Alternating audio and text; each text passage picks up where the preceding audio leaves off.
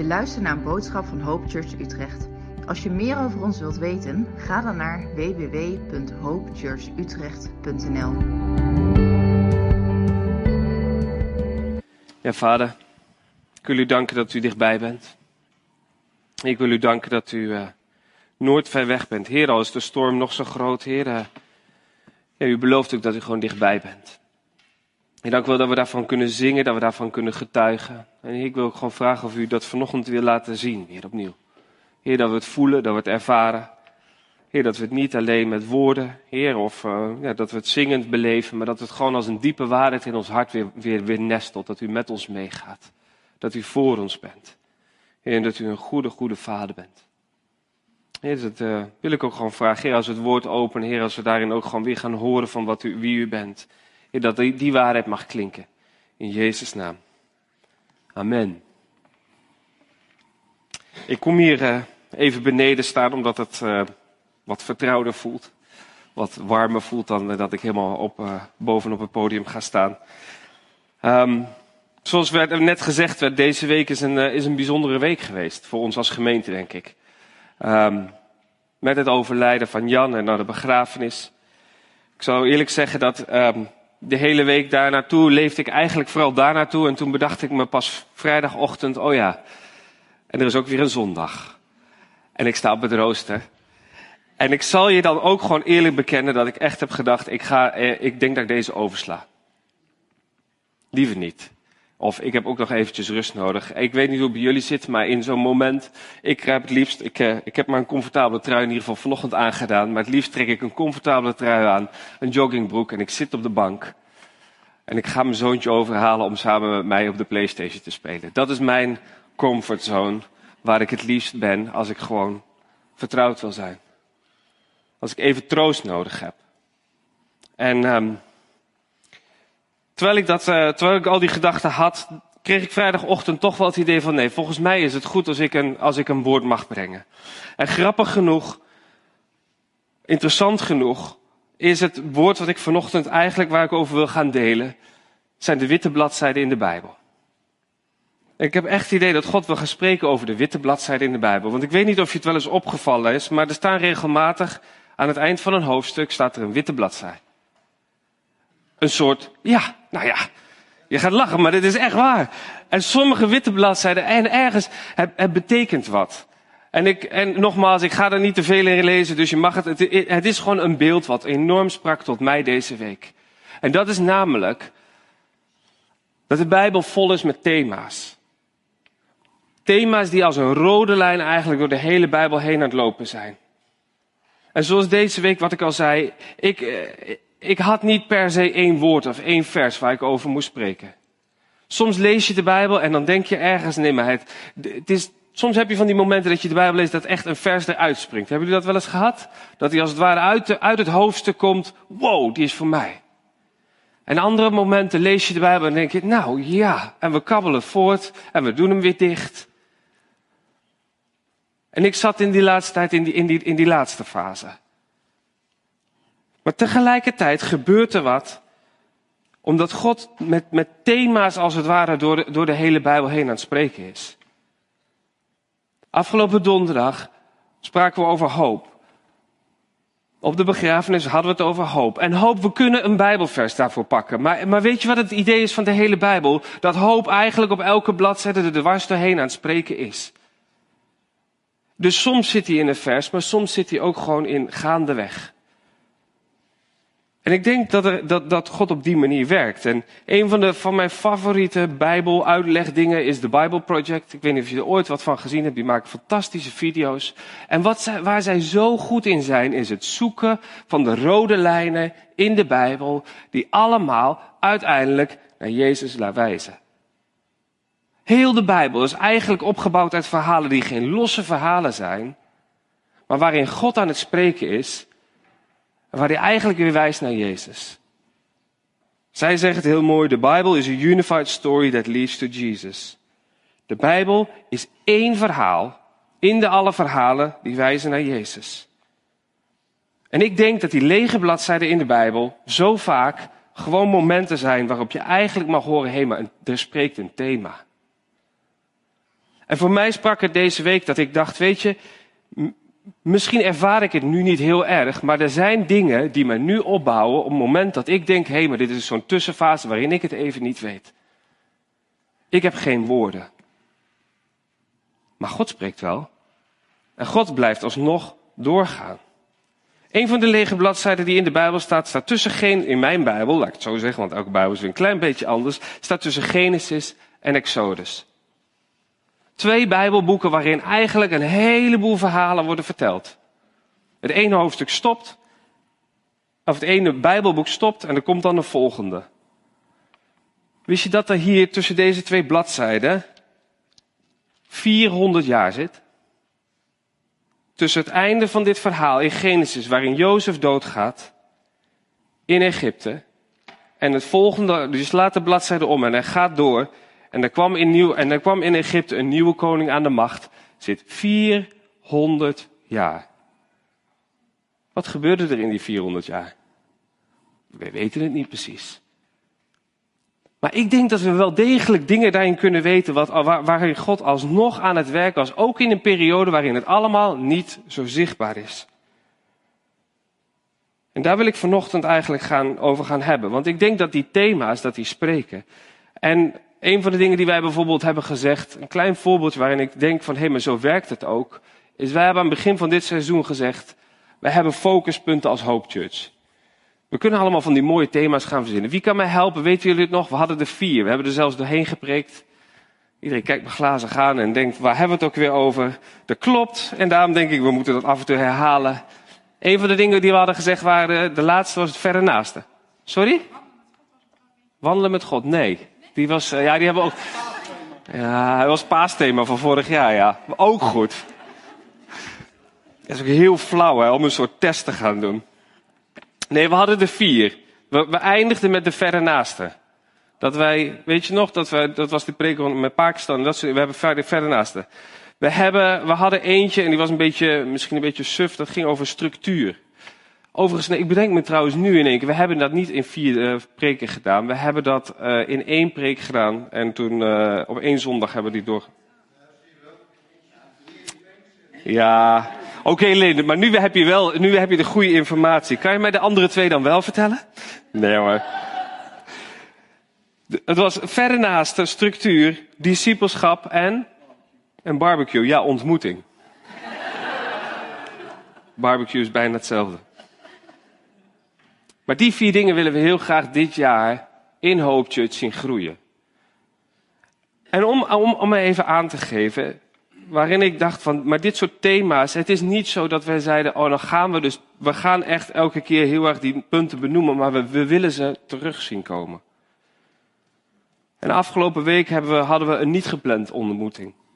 Afgelopen donderdag hadden we een niet geplande ontmoeting waarin we dan bij elkaar komen als gemeente. Maar in het midden van die, van die ontmoeting gebeurde er ook wel iets bijzonders, moet ik eerlijk zeggen.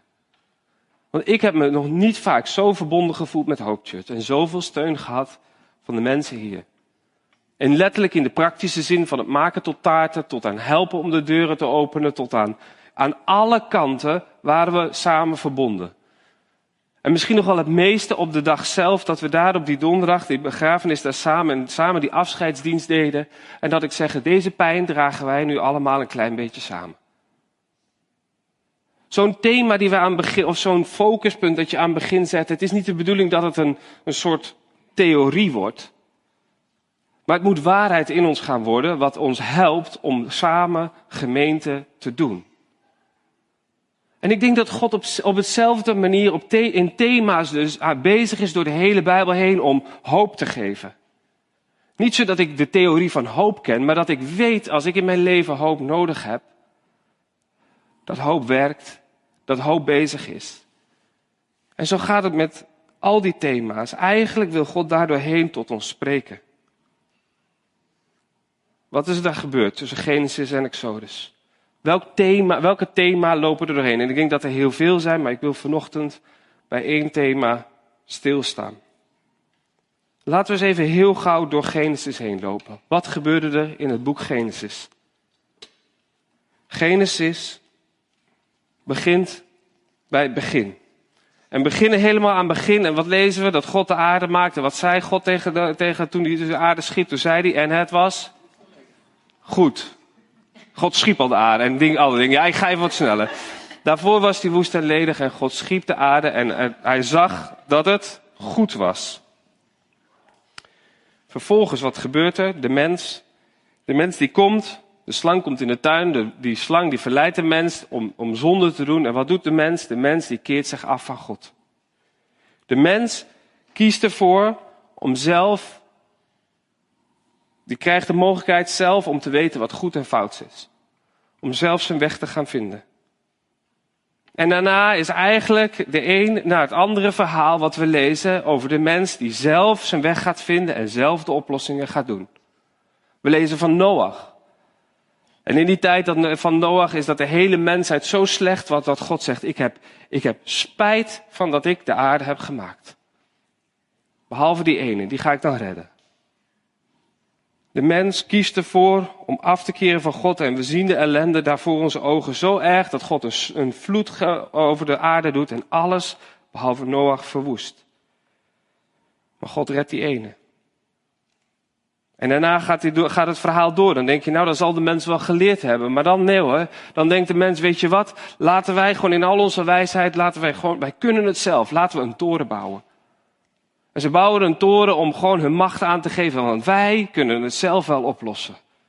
En dat moeten we allemaal, daar moeten we hier wel omheen blijven. Laten we een toren bouwen zo hoog als de hemel, tot aan God. En God zegt nee, mens. En hij, hij verspreidt iedereen over de hele aarde en daar komt de, de taal, de spraakverwarring vandaan. Dan komt Abraham komt het verhaal van Abraham. En Abraham, we kennen Abraham uit het Nieuwe Testament. Abraham wordt geroemd als een, eh, een, een gelovig iemand die door zijn geloof gered is, staat er in Hebreeën. Abraham kreeg een belofte. Abraham kreeg de belofte van God en God zei tegen Abraham, door jou en door jouw nageslacht zal ik jou zegenen en die zegen zal een zegen zijn voor alle volken hier op aarde. Dat was een belofte die God tegen hem deed. Maar als je de verhalen leest, dan kan je ook andere verhalen daarin lezen. Dat Abraham, ook al was, was hij een gelovig God, er waren heel wat momenten waarin dat best behoorlijk tegenviel. Hij gaat op een gegeven moment op pad. God zegt ga op pad. En hij komt aan en hij komt al meteen in het eerste hoofdstuk dat hij op pad komt. Komt hij aan om en dan is er een hongersnood. En daarom trekt hij helemaal door, trekt hij door naar Egypte toe. En wat doet hij in Egypte? Hij had een belofte gekregen, mijn nageslacht gaat er tot een zegen zijn. En wat doet hij met zijn vrouw? Hij zegt tegen, tegen, de, tegen de mensen om hem heen, dit is mijn zus. En eigenlijk wat hij doet, hij geeft zijn vrouw, diegene die samen met hem de belofte moest vervullen, geeft hij aan de farao. Dan zou je toch denken, hij had het wel geweten, dat God te vertrouwen was. Maar nee hoor, hij geeft zijn vrouw weg. En dan denk je, oké, dat kan gebeuren één keer. Een paar hoofdstukken later, doet hij het nog een keertje. Weer in datzelfde land geeft hij zijn vrouw weg. Terwijl de vrouw was de vrouw waardoor hij samen die belofte van God zou krijgen. Overigens was Sarah precies hetzelfde. Zij zei toen de belofte uitbleef, weet je wat? Hier heb je mijn slavin. Dan moet zij maar de moeder worden van de belofte. En daarna stopt het niet. Abraham krijgt de zoon Isaac. Isaac krijgt de zoon Jacob en Esau. Vorige week, voor wie degene hier wie hier was, toen hoorden we over Isaac. En Isaac maakte er ook een potje van.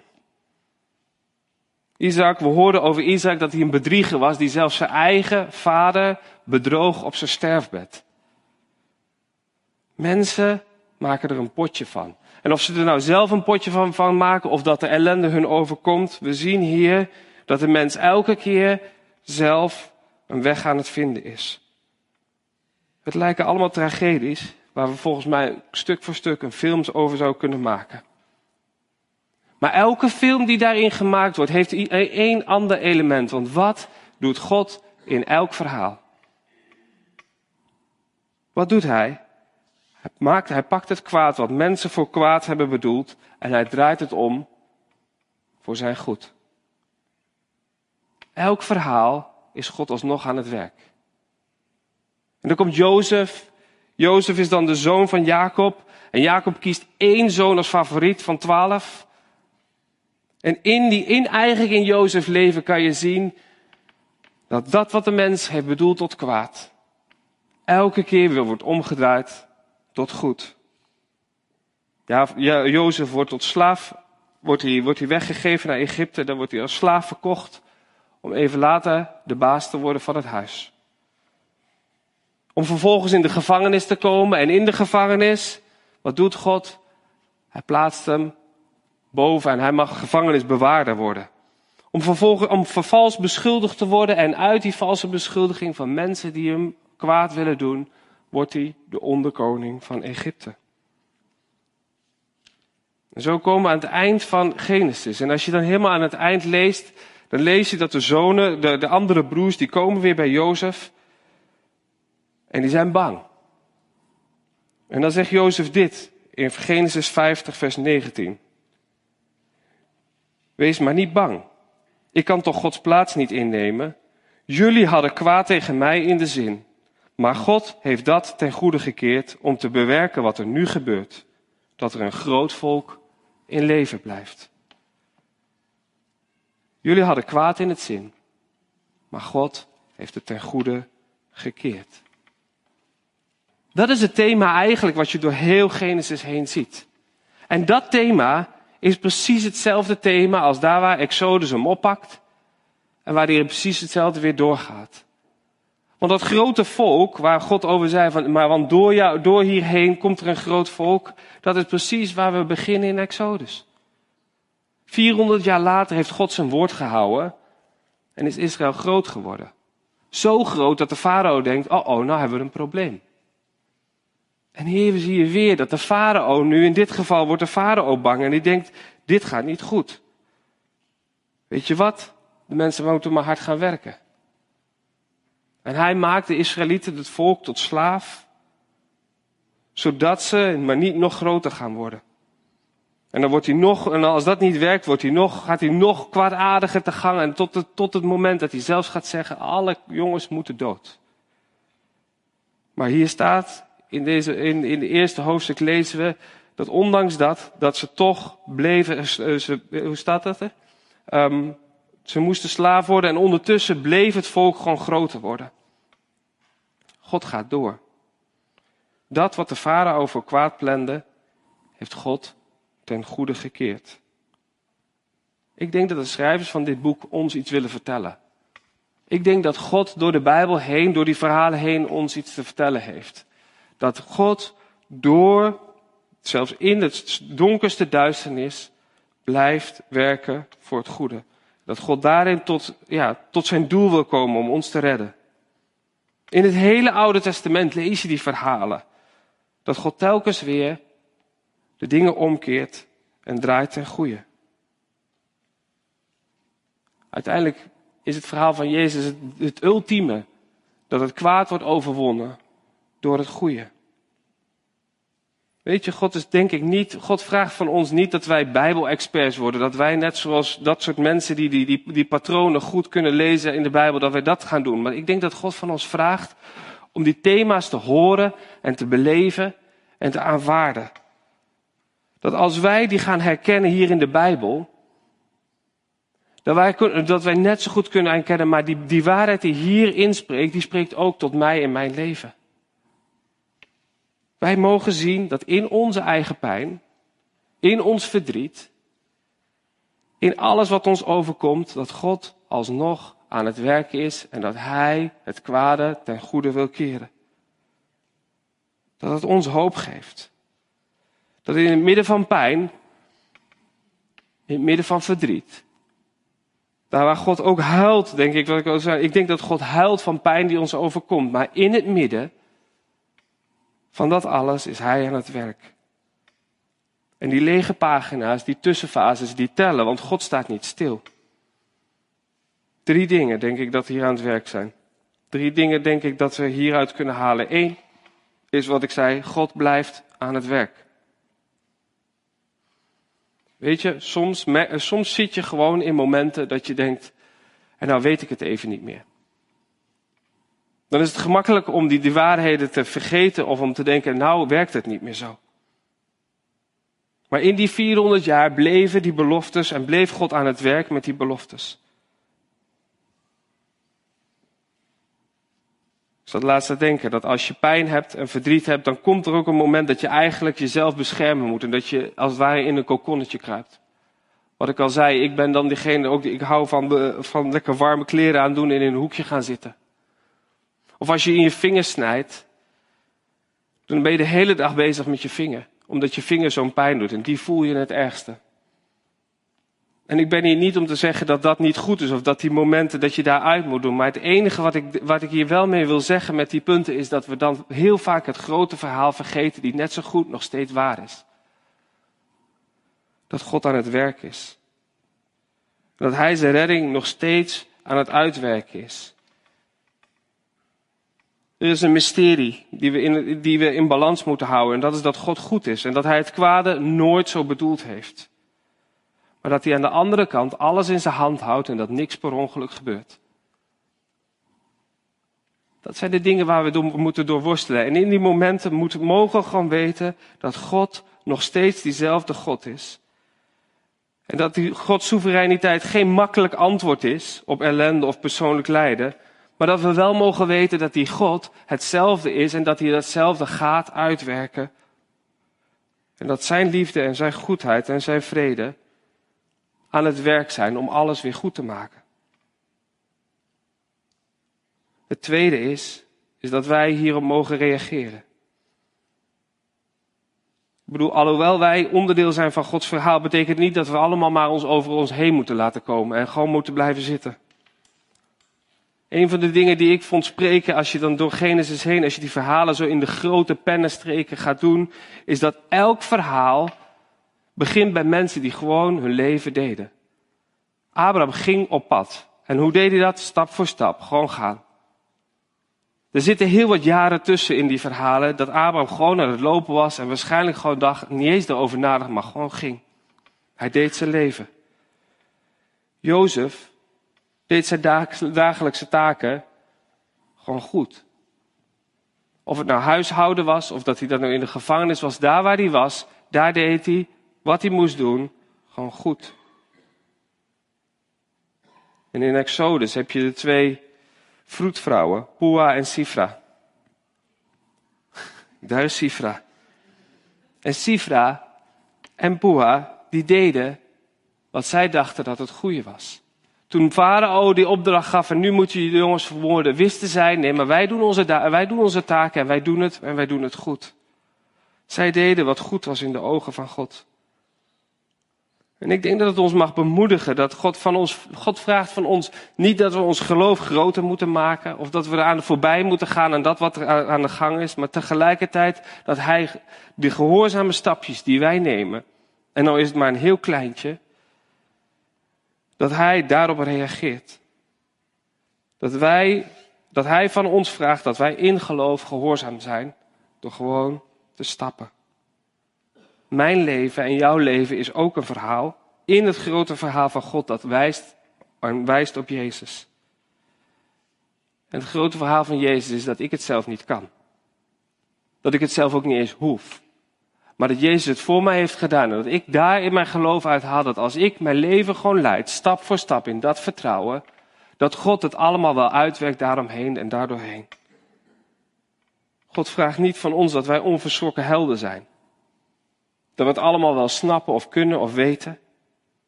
Maar hij vraagt wat wij willen worden als kinderen die samen met Jezus, stap voor stap, gewoon ons leven leiden in geloof dat God het goed maakt. De laatste is dat ik geloof dat God het laatste woord heeft. In de afscheidsdienst die we hadden van Jan, die sloten we af met een stukje van Jans eigen preek over de hemel. En hij sprak daarin dat straks in de hemel dat er geen pijn, geen ziekte, geen gevangenis, geen notaris of boete meer zal zijn. Er zal geen ja maar meer zijn. God heeft daar het laatste woord. God heeft uiteindelijk aan het eind van het verhaal, van begin af aan had hij het eerste woord en God heeft het laatste woord. van het verhaal. En gisteren zat ik na te denken over die ja maar. En toen bedacht ik me, maar de ja maar hier op aarde kan ook een troost zijn. Weet je, er klinkt namelijk nog een andere ja maar dan die dat wij die meestal gebruiken. In het midden van pijn en ellende is er een ja maar. En dat is dat de hand van God en dat de stem van God zegt in alles. Jij bent in Gods verhaal. En Jezus' verhaal is het verhaal dat het goede ten kwade wordt gekeerd. In elke situatie zou je als het ware Jezus' stem kunnen horen. Ja, maar het komt goed. In het midden van alles denk ik dat God zo graag, net heeft iemand dat ook al gezegd, gewoon je hand wil pakken. Een arm om je heen wil slaan. En net zo lang bij je wil gaan zitten, totdat je weer hoort, ja, maar. Weet je mensen, dit is niet altijd makkelijk. En tegelijkertijd is het, is het ook een kwestie van overgeven daaraan van, en dit is wat God aan ons gegeven heeft. We kunnen het niet zelf. En ik ben zo blij dat we vandaag ook weer het avondmaal kunnen vieren. Want het avondmaal is eigenlijk iets wat je gewoon tot je moet nemen. Het avondmaal is het brood en de beker en we krijgen het. Je kan haast zeggen, we hebben het eten gewoon nodig om überhaupt te leven. En wat, wat Jezus eigenlijk van ons vraagt is, als je dat doet, denk dan aan mij dat het genade is waardoor we dit allemaal ontvangen. We hoeven het niet te snappen. Wat Jezus van ons vraagt, dus durven we te vertrouwen. En durven het over te geven aan Hem. En met Hem mee te gaan. En te weten dat het aan het einde, dat Hij het verhaal en dat Hij het laatste woord heeft. Amen. Bedankt voor het luisteren en we hopen dat je hierdoor bemoedigd bent. Als je meer wilt weten over Hope Church Utrecht, ga dan naar www.hopechurchutrecht.nl. Tot de volgende keer.